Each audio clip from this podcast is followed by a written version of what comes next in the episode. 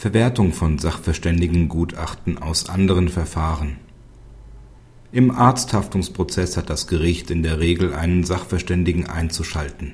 Dies gilt auch, wenn ein im Wege des Urkundsbeweises verwertetes Gutachten nicht alle Fragen beantwortet. Die Klägerin behauptete einen Behandlungsfehler. Landgericht und OLG wiesen die Klage ab. Das im Wege des Urkundenbeweises verwertete, im Schlichtungsverfahren eingeholte Gutachten hat einen Behandlungsfehler verneint. Die Nichtzulassungsbeschwerde hatte Erfolg. Der BGH weist darauf hin, dass die in der Regel erforderliche Einschaltung eines Sachverständigen durch die Verwertung gemäß § 411a ZPO eines Gutachtens aus einem anderen Verfahren ersetzt werden kann. Der Tatrichter muss aber ein gerichtliches Sachverständigengutachten jedenfalls dann einholen, wenn ein im Wege des Urkundenbeweises verwertetes Gutachten nicht alle Fragen beantwortet. Diese Situation traf auf das Gutachten der Schlichtungsstelle zu.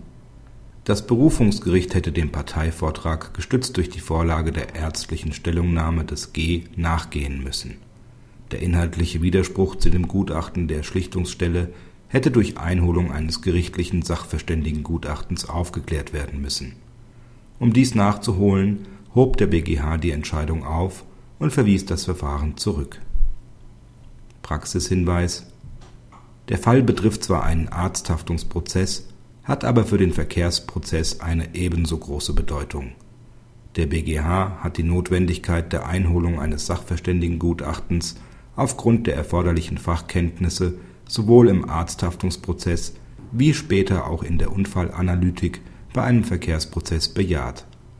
Dies gilt auch für die Verwertung von Gutachten aus anderen Verfahren gemäß § 411a ZPO